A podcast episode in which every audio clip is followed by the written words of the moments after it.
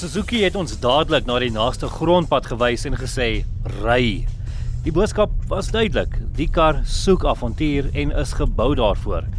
Ook maar goed, ons het agter die stuur ingeklim van die top GLX model met die all-grip vierwiel aangedrewe stelsel.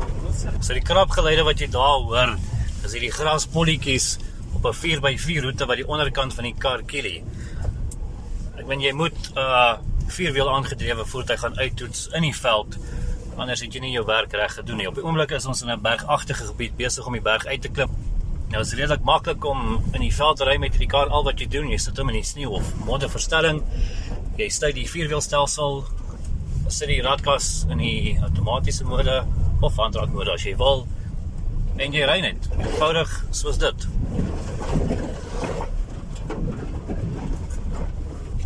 Ons het al 'n paar styltes uitgeklim en sover nog geen moeilikheid gemaak nie of moeilikheid gekry nie. So far, absolutely solid car. 4x4 system works really well. It's not even remotely struggling to get up the hill. And as a passenger, you can hardly feel um, the bumps as we go over one up. Ons ry nou in uiterste gemaak. Jy kan my stem hoor dat ons rondgegooi word. Of die kar eerder rondgegooi word, maar as passasier sit jy doodstil. Dis 'n heel rustige ervaring. Tydens die talle kere wat ons uitgeklim het om die uitsig te bewonder, kon ons nie help om die Grand Vitara ook te bewonder nie. Hy dra Suzuki se kenmerkende 3 dubbelstippel dagryligte, 'n welkome verandering van die gewone streepligte wat op meeste ander nuwe voertuie voorkom. Die breë blinkswart sierrooster gee hom 'n meer aggressiewe voorkoms as sy voorganger, terwyl 'n sterk skouerlyn sy fris karakter onderstreep. Ek hou veral van die remligte. Die drie dubbelligte is klein maar helder en lig die slanke voorkoms van sy kattebak uit. Ons het die Grand Vitara se bene gestrek op die lang grondpad gedeeltes tussen George en Oudtshoorn. Die rit is sag maar ferm. Jy word hier rondgegooi in die kajuit wanneer jy 'n reeks hobbels of slote tref nie, soos gereeld met ons gebeur het nie. Die All Grip het ook 'n volgrootte spaarwiel wat ons meer moed gegee het om die baie alleen te ry. Selfs die Montetjie pas wat deur oorstromings beskadig is, kon die Grand Vitara nie keer nie. Nou, wat verrigtinge betref, het ek aanvanklik bietjie kop gekrap.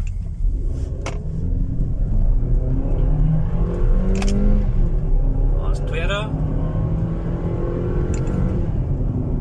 en derde rad. En dit voel die oomblik wat jy in derde ingaan, verloor hy bietjie stoom.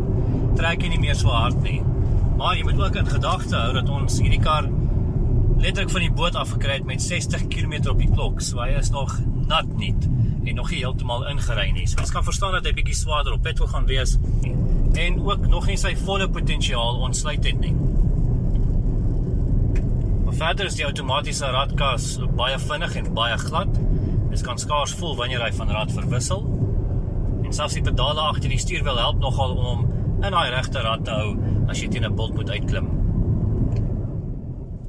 Die Grand Vitara All-Grip is toegerus met 'n 1.5 liter engine wat 76 kW en 137 Nm wringkrag uitskop wat aangehelp word deur 'n ligte hibriede stelsel, die eerste van sy soort wat Suzuki in die land inbring. Bietjie meer daaroor later in die berig. Brandstofverbruik volgens Suzuki is 5,6 liter per 100 km. Ons verbruik was 8,8 liter per 100 km, maar hou in gedagte dat ons in die veld gery het En ons het ook die pedaal gereeld diep ingetrap op die veldpaadjies tussen George en Oudtshoorn. Die ligte hibriede stelsel wat Suzuki gebruik, werk anders as jou deursnit hibriede stelsel wat jy in ander motors kry. Die bemarkingsbestuurder van Suzuki Suid-Afrika, Brendan Carpenter, het my verduidelik hoe dit werk. Ja, nee, hy smeer daar om die engine by te staan wanneer in hoë, kom ons sê, lading toestand is so of ek nou gelaai is of as jy nou by 'n bult opry soos ek verstaan ook hy kan bietjie krag toeboet maar dit is nie om addisionele kom ons sê wrinkrag of so te bied nie. Dis maar net om kom ons sê al die ander goed soos die waterpomp en daai tipe goed te ondersteun in sodat die engine nie so baie labour op daai op daai oomblik nie. Wat die spesifikasies betref hou Suzuki by sy wenresep.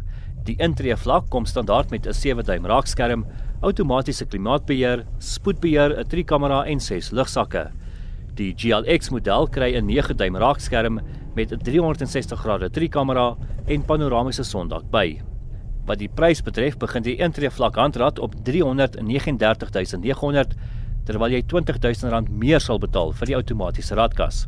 Indien jy meer speelgoed en 'n outomatiese radkas wil hê, sal jy R417900 vir die GLX betaal, terwyl die hibriede topmodel met die all-grip stelsel jou R529900 uit die sak sal jaag. In die vliegtuig op pad terug na Johannesburg het ek bietjie oor die bekendstelling gedink en waar ons oral gery het. En die feit dat ons byna net grondpaaie en 4x4 roetes gery het, wys dat Suzuki vertroue in die Grand Vitara se vermoë het om enige avontuurlustige se dors te les. Ek is Justin Kennedy in George.